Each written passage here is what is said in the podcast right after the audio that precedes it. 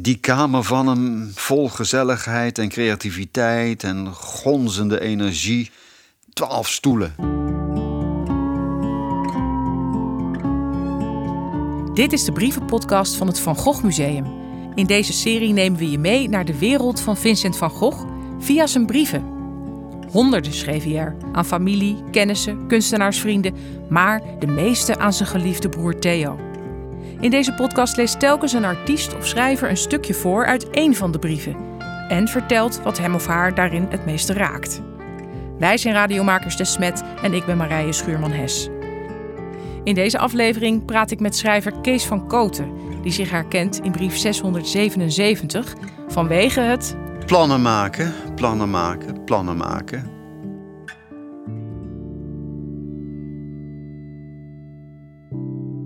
Van Gogh woont ten tijde van deze brief nog in een hotel in Arles, maar is bezig met het inrichten van het gele huis dat je op de schilderijen ziet, waar hij ongeveer een week daarna naartoe zal verhuizen. Arles, zondag 9 september 1888. Waarde Theo, ik heb zojuist de krabbel van het nieuwe schilderij, het Nachtcafé, op de post gedaan. Nu heb ik gisteren gewerkt aan de inrichting van het huis.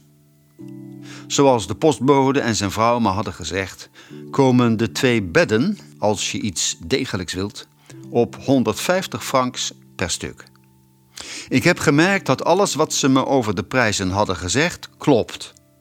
Zodoende moest ik wat schipperen en ik heb het al dus aangepakt. Ik heb één bed van notenhout gekocht en een ander van vurenhout, dat het mijne wordt en dat ik later zal beschilderen.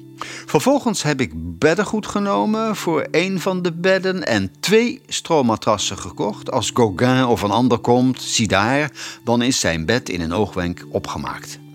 Vanaf het begin heb ik het huis niet voor mij alleen willen inrichten, maar zo dat ik er iemand onderdak kan bieden.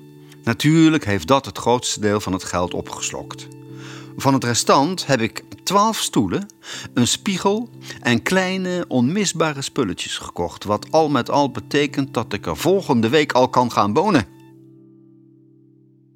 Twaalf stoelen, uh, alsof die, hij had heel weinig vrienden. Vincent in zijn leven, Gauguin dan, oké, en nog een paar, en Theo. En over de moeilijkheden die die vriendschappen gaven, hoeven we het niet te hebben. Maar dat hij het idee heeft dat hij die kamer van hem vol gezelligheid en creativiteit en gonzende energie met uh, elf schilders kandelen, twaalf stoelen. De kamer waar jij dan zult logeren of die voor Gauguin zal op de witte muren een decoratie krijgen van grote gele zonnebloemen. Maar je zult die grote schilderijen zien met boeketten van 12 van 14 zonnebloemen gepropt in dat heel kleine boudoir met een mooi bed en heel de rest elegant. Dat wordt niet banaal.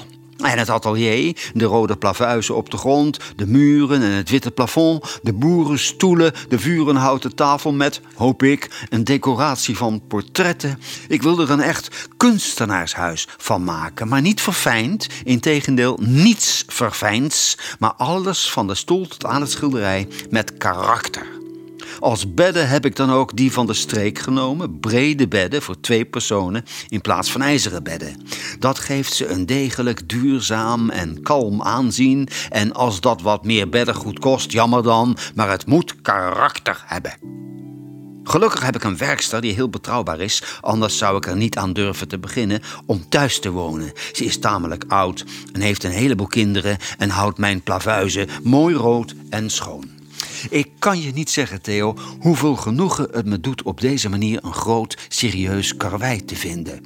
Want dat zal, hoop ik, een echte decoratie worden die ik daar ga ondernemen. Wat iedere schrijver en schilder doet, denk ik. En uh, iedere muzikus of componist ook. Plannen maken. Als ik nou eens dit, dan kan ik misschien dan dat. En dan heb ik tezamen, als ik dat optel, uh, wordt dat weer iets wat interessant is. En dat helpt me weer verder. En dat plannen maken vind ik vooral zo ontroerend in deze brief, eh, omdat hij eh, zijn kamer schetst. En mijn jongenskamer, dat was heel simpel. Dat was driehoog achter in de Vreeswijkstraat in Den Haag, de Zuiderparkbuurt. En eh, dat was een kamertje, nou laat ik zeggen, twee bij, bij, bij, bij vier. Was dat bij je ouders? Ja, bij mijn ouders. Uh, en uh, was ik 14, 13, 14. Dus je dacht al een beetje aan een buitenwereld waar je wel eens terecht zou willen en kunnen komen. En dan nou, dat kamertje, ik kan het nog helemaal voor me zien. Het is ook bijna de knusheid had het, maar de kleinheid van het beroemde bed van Theo. En dat was altijd eh, van, eh, sorry, van Vincent, weet je wel. Dat, eh, die, die, die kamer. En ik had een spiraalbed met een spiraalmatras, een metalen bed. En daar stond een rood tafeltje met een glazen blad. En een oude schommelstoel van mijn opa. Het was helemaal geen jongenskamer. En één boekenplank aan twee grote haken door mijn opa, die timmerman was, uh, gemaakt. Maar met van mijn vader gekregen geld. En daar had hij te goedkoop hout voor gekocht. En dat werd een ruzie nog tussen mijn opa en mijn vader. En die boekenplank was dus krom getrokken. En dan eens in de twee maanden, als het me allemaal naar de keel greep, die benauwenis van dat kamertje. En ik eigenlijk al uit huis wilde op mijn 13e, 14e, ging ik die kamer opnieuw inrichten. Dus uh, op de plek van de schommelstoel kwam het rood tafeltje met het glazen blad. Het bed zette ik tegen de andere muur, langs de andere kant. Ook het hoofdeinde veranderde ik. En dan riep ik naar beneden na twee uur: Pap, mam, kom eens kijken. Ik heb een hele nieuwe kamer. En dan kwamen mijn lieve ouders, zette mijn moeder eerst een kopje thee. En dan eh, kwam ze met de theepot en mijn vader erachteraan met zijn eigen kopje rammelend. En dan bleven ze altijd nog even in de deuropening staan. En dan zeiden ze in bewondering: Joh, het is prachtig. Zo is die veel mooier, die kamer. Veel mooier. En dan gingen we met z'n drieën op dat spiraalbed zitten en dan dronken we een kopje thee. En het was van een wurgende ellende natuurlijk, maar achteraf was het van een diep, diep, diep geluk. En op dat metalen bed met die spiraalmatras matras heb ik voor het eerst gevreden met mijn Barbara, met wie ik dit jaar 50 jaar getrouwd ben. Dus uh, zo kan een wurgende jongenskamer tot prachtige dingen leiden. Ah, fantastisch. Wacht even, dan schiet me nog iets te binnen. Vincent heeft het hier in de brief aan Theo over uh, de lakens. Hè? Uh, de bedden, de lakens. hij heeft het nergens over een gordijn. En een keerpunt in onze puberale ontwikkeling was en dat geldt voor heel veel uh, jongens van mijn destijdse leeftijd, was het Picasso-gordijn. Niet het Van Gogh-gordijn, geen zonnebloemenmotieven. Eh, voor het raam. Maar het gekste van het gekste, het modernste van het modernst. Geen naturalistische zonnebloemen, maar wilde tekens en kleuren en gebroken lijnen en cirkels en scheve vierkanten. Dat was Picasso. En het Picasso-gordijn, dat was een keerpunt in uh, heel veel uh, jongenslevens. Daarmee waren we zelf ook een beetje kunstenaar. Want wij hadden dat opgehangen en dat was een bewijs dat onze smaak ver boven de smaak van onze ouders en de andere burgermensen uitging. Het Picasso-gordijn. Terwijl ik je zit te schrijven, komt juist dat boertje dat een karikatuur van pa lijkt, het café binnen. De gelijkenis is toch ontzettend groot. Het ontwijkende en het vermoeide en het vage van de mond vooral. Ik blijf het jammer vinden dat ik hem niet heb kunnen schilderen.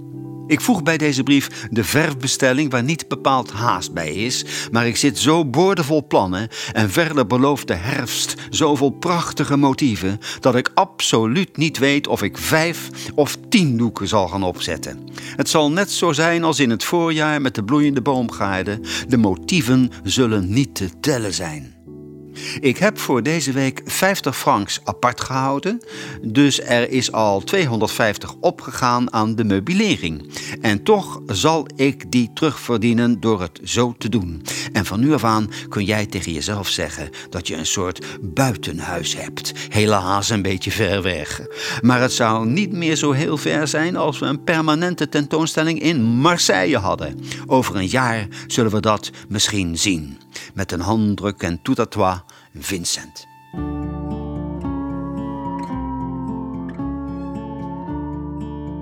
Je hoorde een aflevering van de podcastserie Van Gogh belicht de brieven.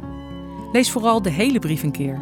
Je vindt hem op de website van goghmuseum.nl/belicht.